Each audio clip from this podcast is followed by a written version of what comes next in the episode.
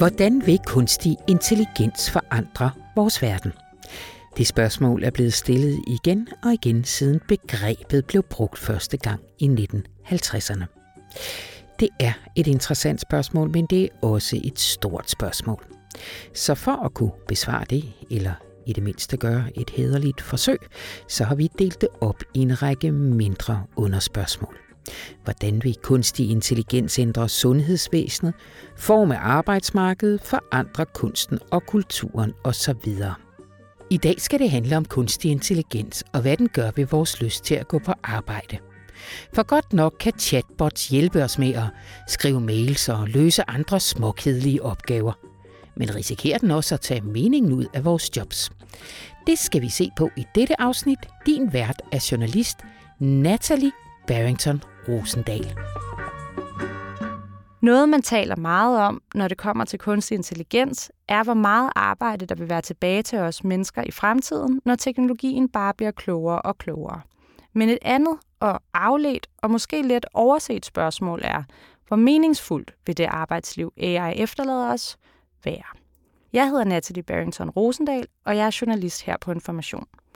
De seneste år har vi skrevet en del om, hvilken rolle arbejdslivet spiller i det moderne menneskes liv.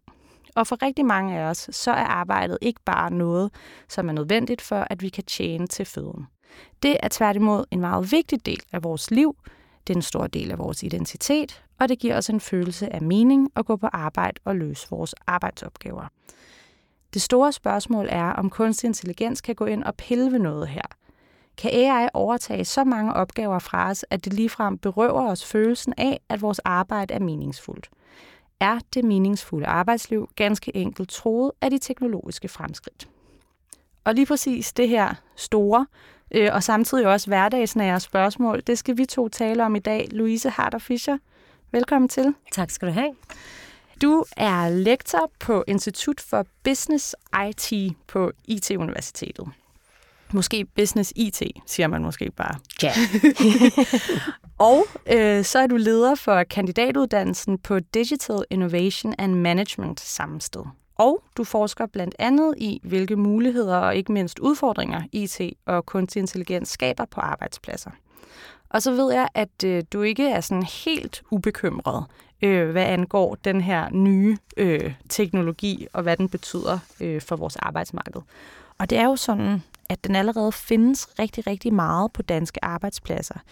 Vi taler specifikt om den her generative kunstige intelligens, som man kalder den. Altså den, som øh, vi kender fra for eksempel ChatGPT, som tager eksisterende materiale og så spytter det ud til en ny tekst.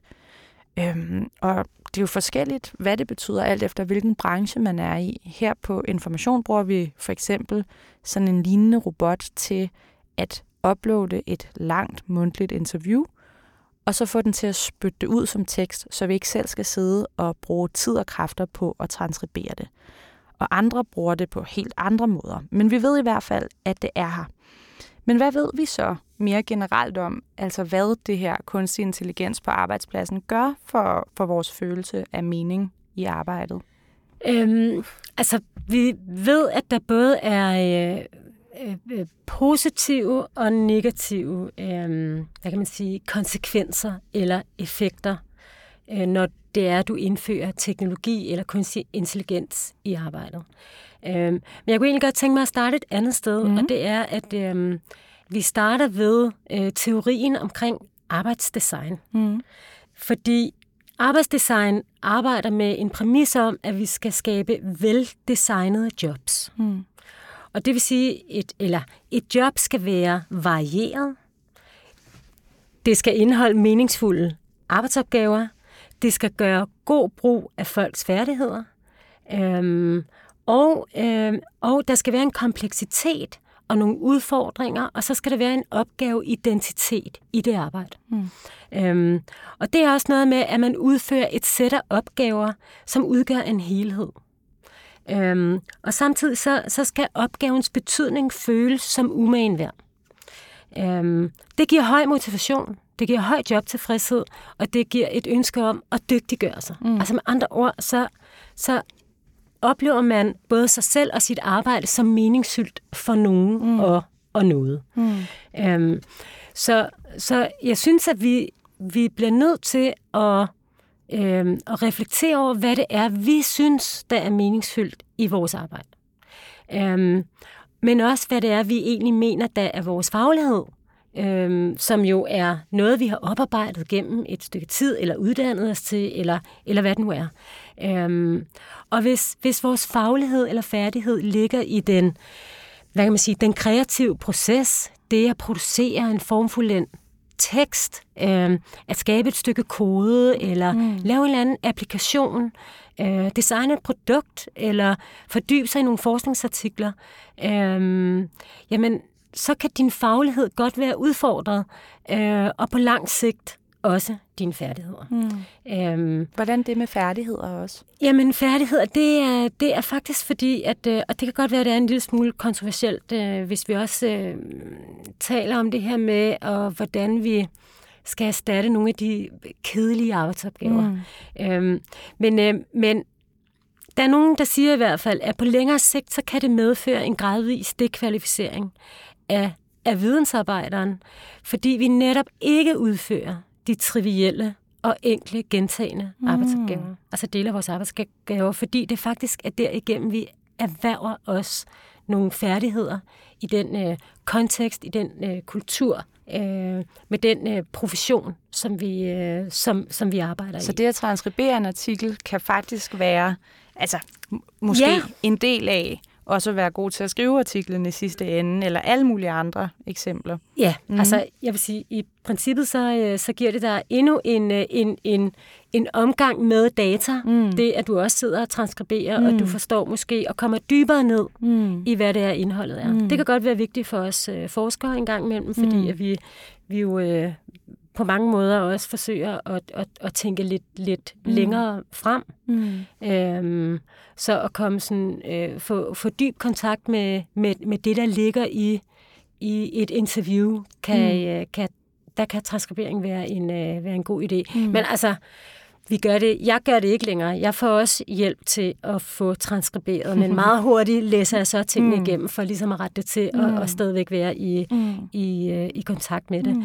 Men altså, AI kan så faktisk fratage os den her mulighed for at, øh, for at opøve øh, eller oparbejde sådan en, øh, en, øh, en færdighed omkring øh, vores arbejde, og dermed også, altså, der er jo nogle trin ind, der er nogle trin før du bliver ekspert, mm. og de trin er nogle gange de simple, mm. lidt, øh, lidt, øh, lidt nemme opgaver, mm. øhm, og så langsomt føler du dig rustet til at tage nogle, øh, nogle komplekse øh, opgaver, eller nogle, øh, nogle, nogle meget sådan, hvad kan man sige, udfordrende opgaver ja. på dig. Så på den måde, altså, kan der også være et problem i øh, oplæring af nye medarbejdere og unge mennesker. Altså hvis den funktion, som studentermedhjælperen tidligere varetog, den er væk, fordi en robot laver den, og måske også den funktion, som praktikanten og den helt nye og så videre, de er også væk. Og så lige pludselig, så, øh, så er det svært for os at træde ind, øh, fordi hvad skal vi lave, indtil vi bliver eksperter ja. på vores område? Ja, ja. altså det, det bliver i hvert fald et, øh,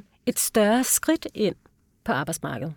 Øhm, og der, øhm, der kan jeg se, at der er, øh, altså, der er nogen, der så øh, begynder at arbejde med, jamen, hvad er det for nogle læringsstrategier, øh, vi skal have øh, på plads allerede det øjeblik, øh, et ungt menneske kommer ind ad døren, fordi der er noget oplæring, som ikke sker, kan man sige, naturligt i praksis længere, mm. men, øh, men der er noget oplæring, der skal ske ved hjælp af, det kan være mentorordninger, det kan være det, at du faktisk kommer ud på et, et udfordrende projekt allerede med det samme. Mm.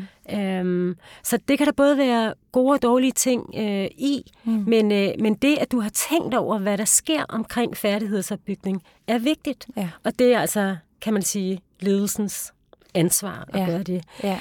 Øhm, men jeg vil også sige, at øh, altså, der er jo en anden øh, øh, element omkring færdigheder. Øh, fordi der er nogen, der tør at stille de her spørgsmål, øh, spørgsmålstegn ved, om hvorvidt bliver vi dummere, øh, eller mister vi evnen til at tænke selv. og, øh, og jeg vil sige, at altså, der er noget forskning, der viser, at, øh, at det her med at shoppe ind og ud af stumper af viden, mm. på, øh, på Google eller Bing, eller hvad man nu bruger, mm. øh, eller bruge nogle af de store øh, sprogmodeller, øh, som, øh, som, som, som ChatGPT. Øh, det gør, at, at, at vi faktisk bremser vores hjerne. Altså, øh, hvordan så det der med, at... Fordi vi ikke udfordrer den. Ja. Altså, øhm, så, så vi får de her bitte små øh, øh, bidder, Ja. og så, øh, og så initierer vi faktisk det, som nogen kalder for digital demens. Ja. Uha, det lyder ikke Ej, godt. det lyder nemlig ikke særlig godt. øhm, og det står nemlig i modsætning til det med, at vi, at vi, at vi øhm, altså hvis vi selv skal udarbejde en konklusion, Mm. det er jo det er både smertefuldt, men, øh, men, øh, men det er jo sådan set det, vi er, det, vi er trænet til Ja. dagligt, at, øh, at øh, komme øh, eller udvikle hypoteser omkring det, vi ser rundt om os, eller, mm. eller konklusioner, eller Mm. øh, ha- have nogle antagelser eller holdninger til det, vi ser. Mm. Øhm, men øh, så, så man kan sige, det her med at, at konvertere information, som vi ser, til viden gennem vores egne kognitive processer, øh, det holder hjernen skarp. Mm. Øhm, og det er også det, der gør os kreative. Ja. Øhm, så man kan sige, det her med at få alt serveret, som en af mine forskerkolleger sagde forleden, som sådan noget fast food, Mm. det kan gøre os øh, uskarpe. Mm. Og, øhm, og man kan så sige, at, øh, at, at hvis det så gør, at vi er, kan man sige, ude af stand til at afgøre, eller tænke kritisk omkring det, vi får serveret på skærmen, øhm, så, øhm, så risikerer vi måske ikke at kunne se, når det er, at vi er blevet misinformeret, Mm. eller, øh, eller kun får serveret information mm. øh, til os, som, øh, som passer ind i vores egen selvforståelse. Mm.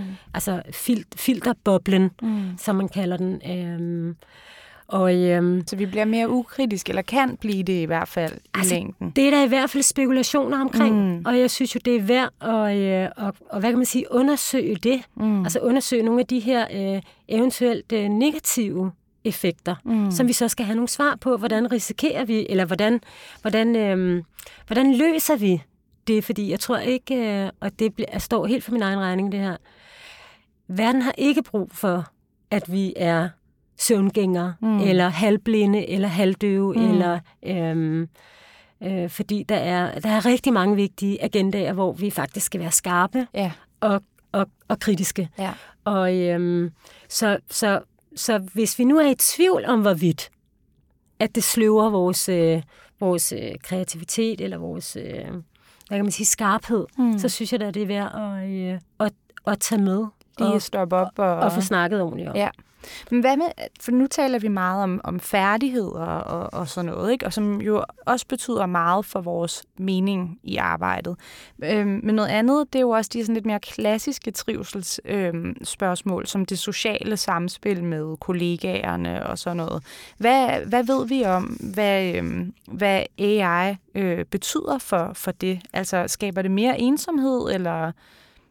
Altså, der er, der er nogle studier, som har peget på, at, øhm, og, og, og det er så den her sådan, klassiske AI, øh, når, det er, du, øh, når det er den arbejdsopgave, du tidligere sad med, er blevet, en, er blevet automatiseret, og du nu sådan set sidder og overvåger, øhm, hvis du overhovedet overvåger, men du passer algoritmen, om man så må sige. Mm. Øhm, så, øhm, så er der faktisk studier, der, øh, der peger på, at folk føler sig isoleret Mm. og, øh, og ensomme i arbejdet. Mm. Fordi meget af det arbejde tidligere foregik ved at, øh, at koordinere med nogle kolleger mm. eller, eller møde nogle øh, kunder, Mm. om man så må sige. Mm. Øhm, og, øhm, og det gør du ikke længere. Mm. Så du kan godt få en oplevelse af øh, ensomhed Mm. Mm. øh, og isolation i arbejdet. Og det ved vi øh, medfører mistrivsel. Ja. Øhm, men, og det er jo selvfølgelig spekulativt, fordi ChatGPT har ikke været her særlig længe. Men, øh, men, men når scenariet er, at det måske bliver ens nærmeste kollega, Mm. eller kolleger, eller at ens nærmeste kollega faktisk bliver erstattet Mm. med en chat-GPT Mm. på grund af mangel på arbejdskraft, mm. eller øh, omkostningsbesparelser, eller fordi at man faktisk bliver udkonkurreret Ja. af, hvad det er, den kan. Ja. Øhm, eller når vi styres af en algoritme, ledes af en algoritme. øh, der, der leder og fordeler arbejdet til os, jamen øh, så er der altså en stor risiko for, at, øh, at teknologien træder i stedet for de her personlige øh, relationer. Mm. Og, øh, og det ved vi reducerer trivsel. Altså personlige relationer er enormt vigtige. Mm. Ikke bare på arbejdspladsen, mm. men helt generelt. Hele vejen øhm, rundt. Ja. Så, øhm, så, så jeg synes jo på sådan lidt, lidt større klinge, at, at, at vi skal... Altså, vi risikerer at dehumanisere os selv ja. øh, med en digitaliseringspraksis, øh, hvor det er, at vi ikke tager, tager kritisk stilling til, hvad det er, det, det tager fra os. Ja. Øh, og dermed så også have nogle svar på, hvad det er, vi så selv må sørge for, som, øh, som skal være til stede i, øh, i, i, vores, mm. øh, i vores arbejdsliv. Mm. Og, og hvordan, hvordan gør man så herfra som dansk arbejdsplads, hvis man vil sørge for, at, øh, at man ikke øh, effektiviserer øh, øh, og robotiserer meningen helt ud af arbejdslivet for sine ansatte? Ja, altså jeg vil, øh, jeg synes, at vi skal interessere os for jobdesign. Mm.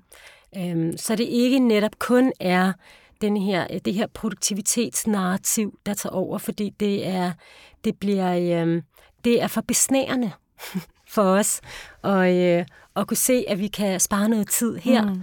og, øh, og spare noget tid der. Mm. Øhm, så vi skal kigge på, hvad er det gode jobdesign? Øhm, og så selvfølgelig også, altså, hvad er det gode jobdesign for kunstig intelligens og samarbejde med os som mennesker eller medarbejdere, øh, hvor bliver det meningsfuldt hen?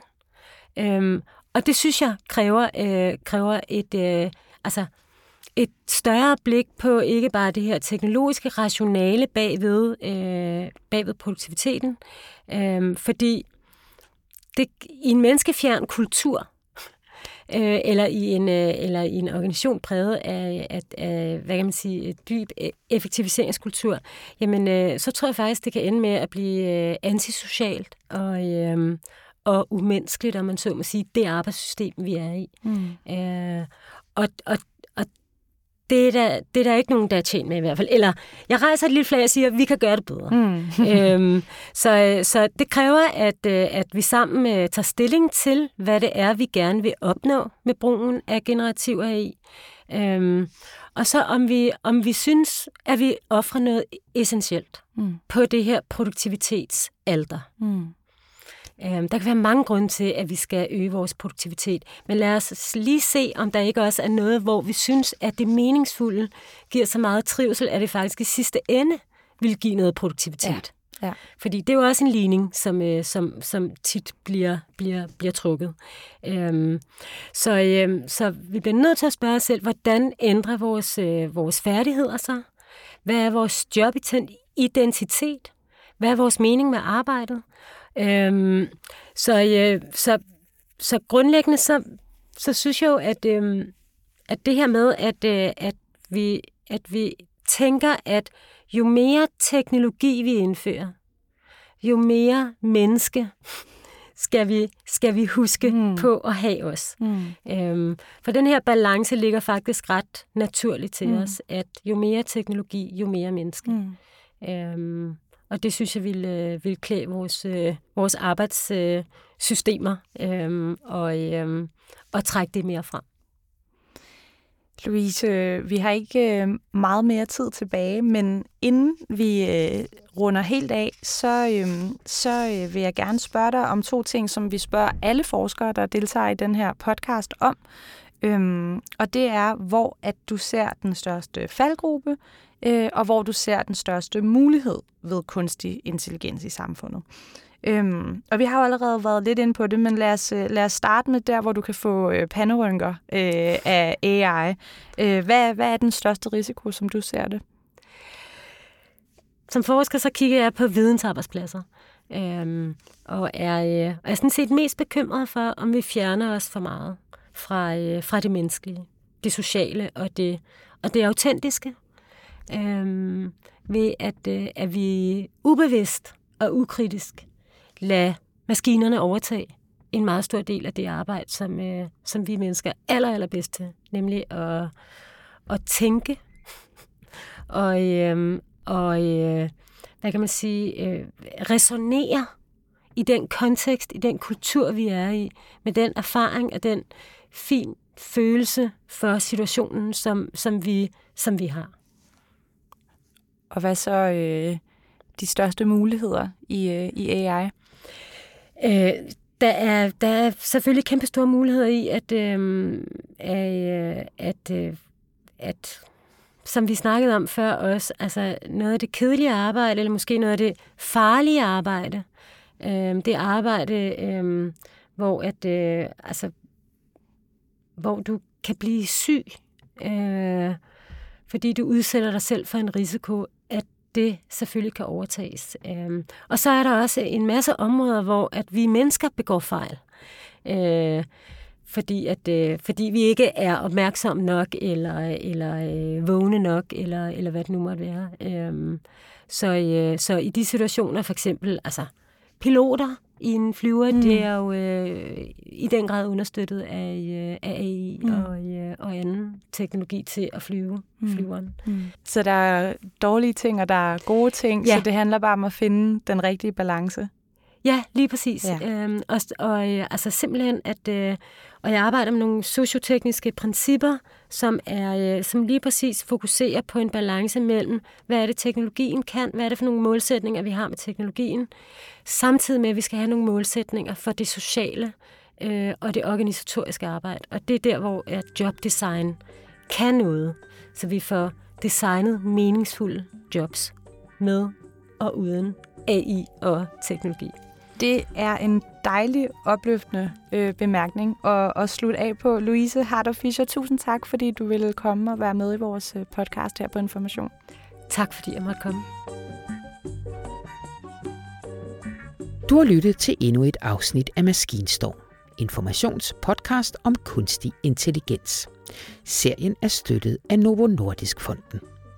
Og hvis du kunne lide, hvad du hørte, og måske synes, at andre burde lytte med, så smid et par stjerner eller kommentarer, eller hvad du end smider derinde, hvor du lytter til dine podcasts, så vil algoritmerne være os så nådige. Næste gang skal det handle om, hvad kunstig intelligens kan lære os om kreativitet, og om, om vi måske lige frem kan lave bedre kunst i samarbejde med maskinerne. Vi høres ved.